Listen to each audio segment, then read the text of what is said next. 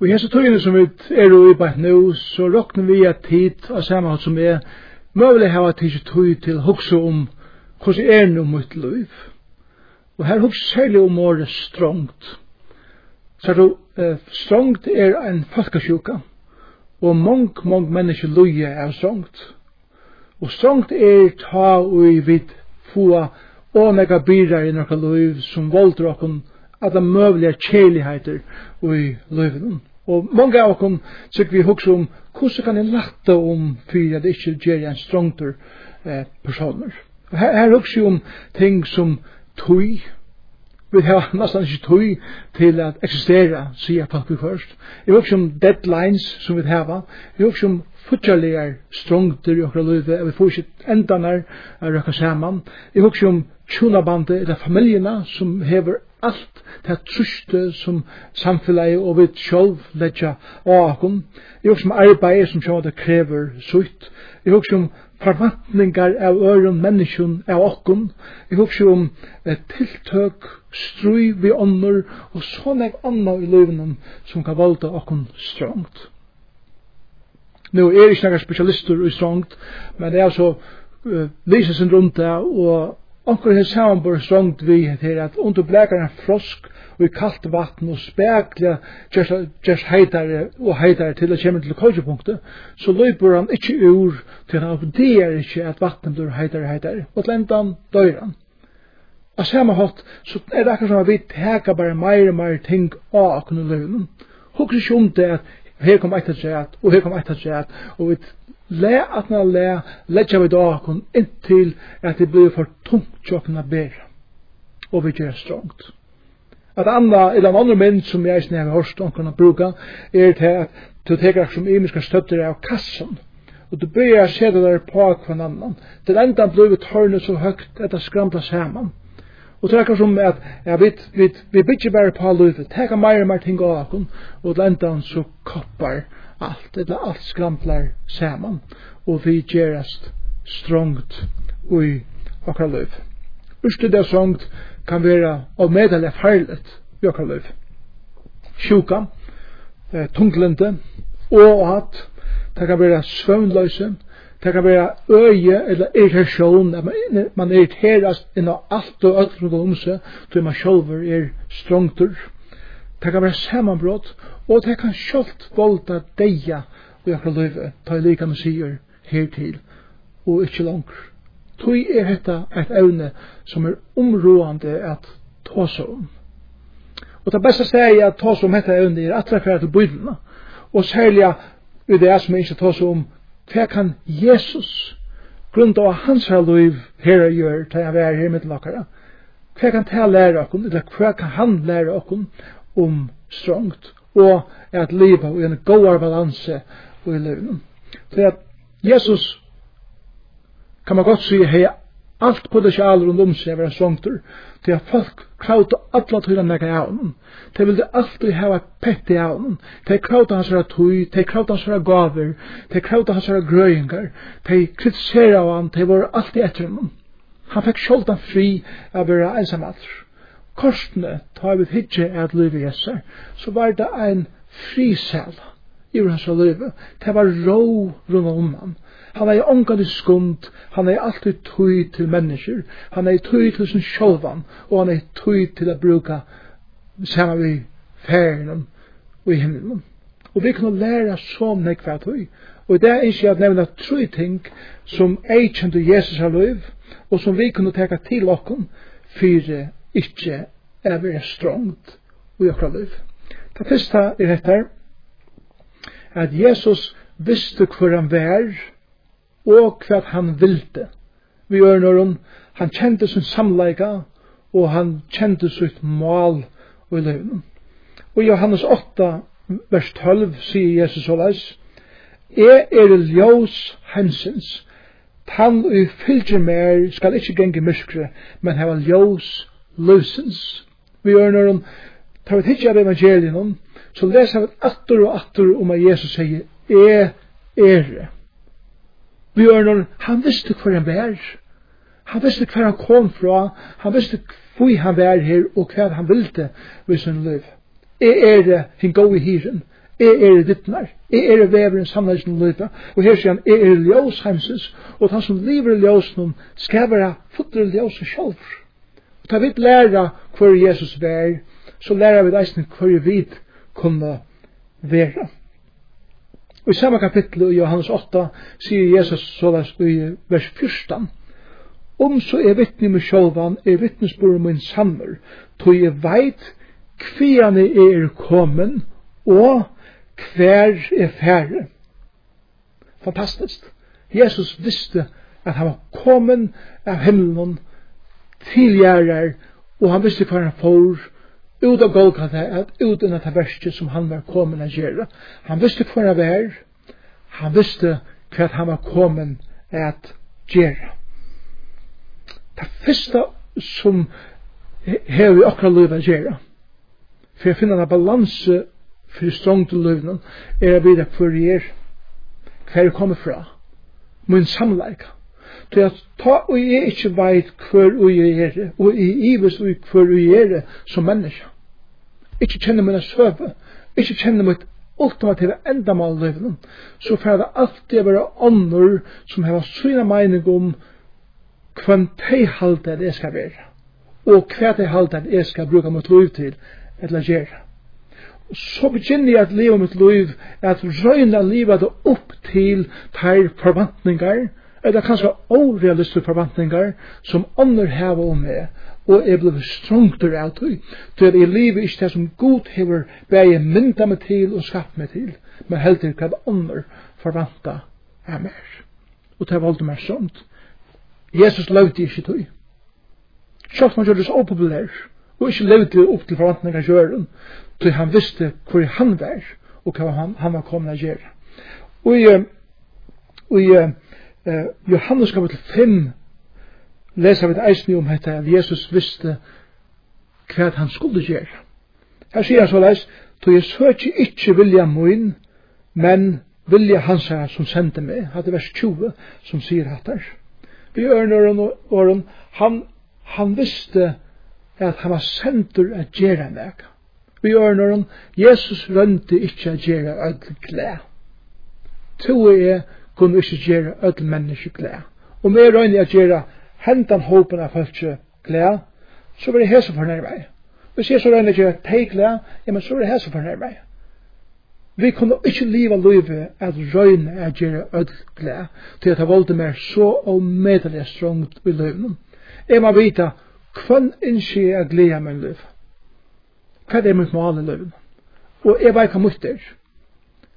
Og det er at glede Jesus Kristus.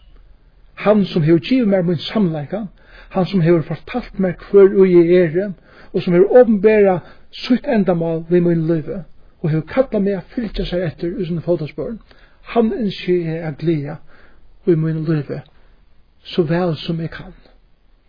Det betyr ikke til at jeg ikke skal lusta til Det betyr det sjåan det skal jeg teka rå, vi ra av hon, og, og involvera under folk i mitt liv, men ikkje at livet opp til tæra forvantningar av min liv, ta jeg veit hva det er som god innskyr i min liv. Så du, hvis jeg, hvis jeg er liv mitt liv, ikkje vidande hver jeg er og hva det vil, så får jeg strujas vid tru ting om min liv reglelig, som gjør meg utrolig trusht trångt og strångt i min liv. Det første er kritikker, og det er hettar at det er alltid bensjen fyrir at vera kritisera vår av øron til at hei til heimon ikke dama det som er gjer.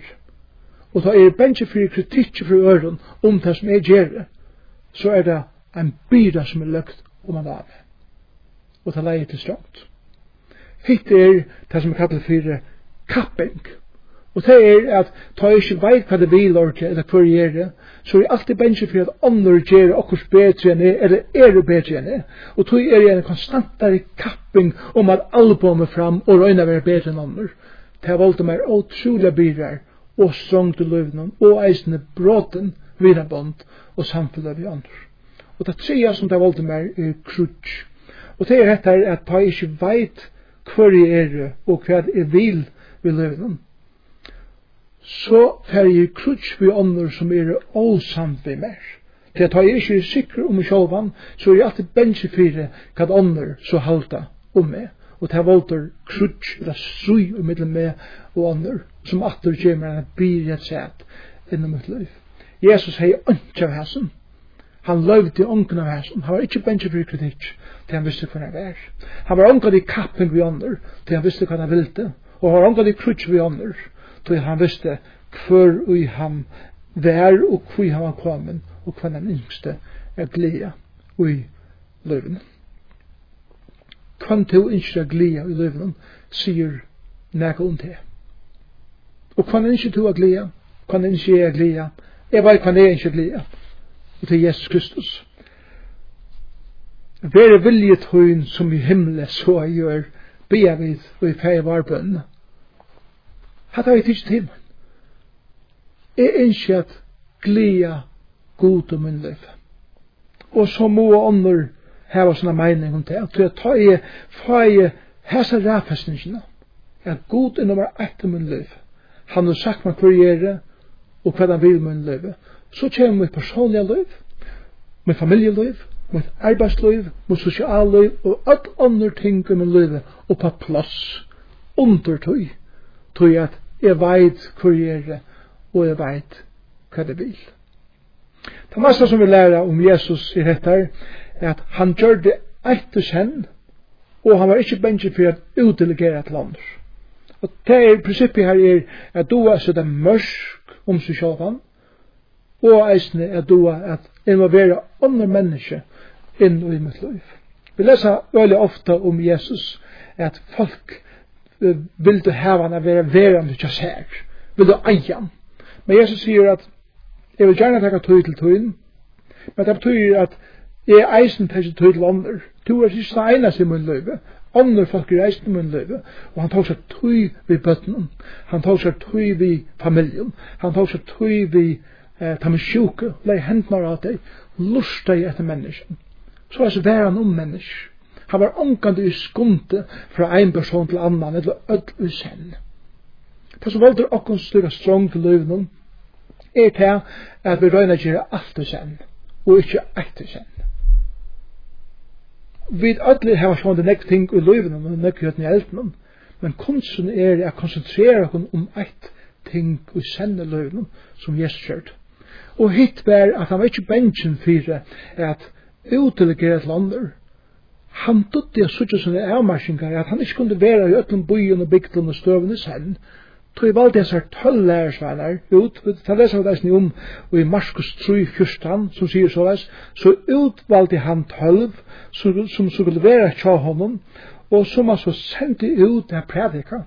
Er sånn her lesa vi at han sendi halvfjers lærersveinar ut av prædika og hjelpa Øren. Jesus var ikkje bensjen fyre at løyve øren inni sitt løyve er bæra sitt endamal og det som han skulle gjera i løyven.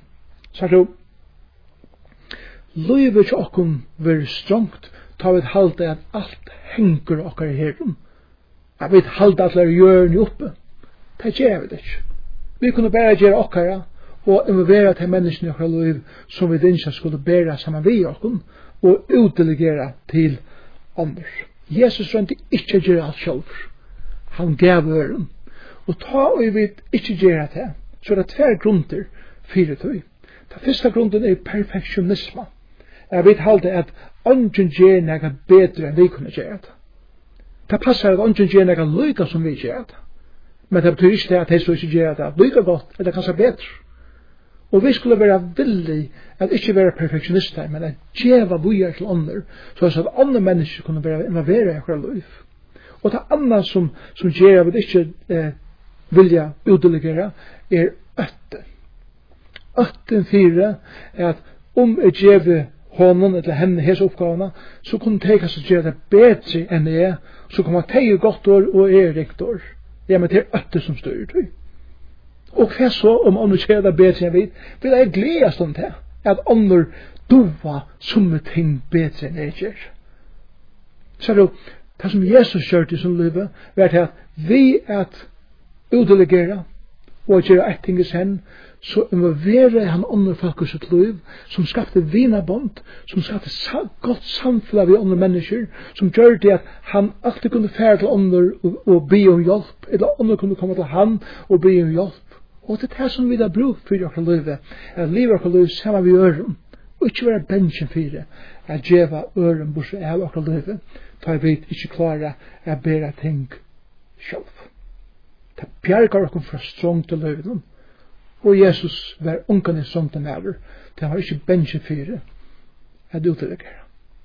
Og det tredje som vi så lærer om Jesus, er hettar, at Jesus brukte tog tog seg tog a kvila og a vera sama vi gode færinum i himla. Vi lesa i Marskos 1.35 hessi årene tullja om morgenen fire det får han opp og får ut og får borstret løy i sted og bæ her. Vi lesa rekkelig om Jesus at han tok tøy a vera sama vi færinum. Og, og Det er så allneiut fyrir okkur som mennesker er bruka tøy saman vi okkar skapar som er skapt okkur, okkar frelsar som er frelst okkur, okkur som er givet okkar løy til ham. er bruka tøyina saman vi honom. Og så gjerne eisen heter er kvila. Vi lesa om ta Jesus hei mekta der 5000 mennar, og så kvinner og bøtna tret, tusen av mennesker, opp til allan dagen. Så lesa vi ut i Marskos kapittel 6, vers 3 til vi er kjørende. Han sier vi lærer seg kom nu, vi mer, bostur til øyes til. Her får vi være ensamatler, og her kunne vi kvila okken, er senter. Jesus hei bruk for å kvila, og han gav høve til det som arbeidet sammen ved gjennom, at kvila. Han puska ikke for til å struja seg selv og tøyna. Han visste og kjente tøtningen av kvult og endernøtjan og i løvene så er kvult, eller svøvner okkur løyve, er allneiut. Og endur nu tjan det er likamlig venjing, eller det er at, at likamlig er, er aktivt og rører seg okkur løyve, er allneiut okkur løyve, til god til skapt likamlig. God har skapt okkara sal og kjensler. Han har skapt okkara sinne og mentalitet, så at han veit at hun bruk fyrir reglige at endurnytjast. Jesus tok tøy a kvila seg likamlega og kjenslega og eisne mentalt fyrir at hava orsku til kvann a vera fruskur og velfyrir og i tøy som god teg kalla hann a gjera.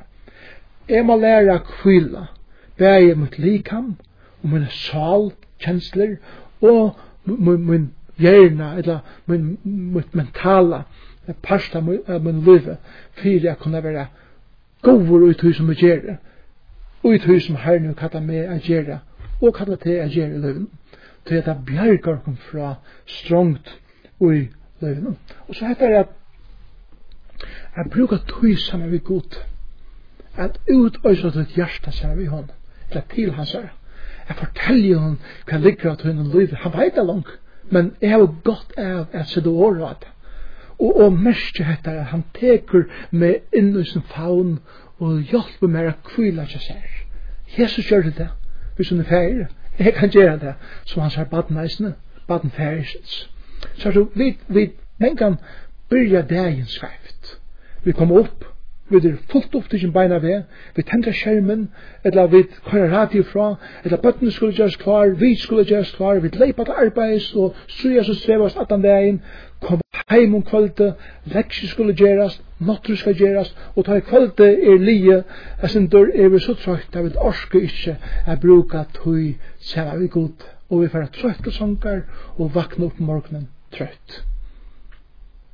Onkur sier så leis at stemma gittaren og har du spela konsertene, ikkje atan Vi gjør når han byrja dagen vi at stemma tutt liv, mitt liv, og det er vi at bruka tøy saman vi gode, nekka minutter, og er en alt fyrirgongt, at utøysa mitt hjärsta fyrir honom, at bjóð honom til at teka kontrolla munni deg i det, at bruka tøy hans åre, såleis at mun gittar, at mitt liv stemma til dagen, så at jeg kan tæn hon vel. Så er til her Jesus fekk hette her som han hei bruk for løven. Han visste hva det var, han visste hva hans var mal var, han visste hva skulle gerast eitt ting sen, han visste hva han skulle utdelegera til, han visste nær han skulle kvila og enda nødjast.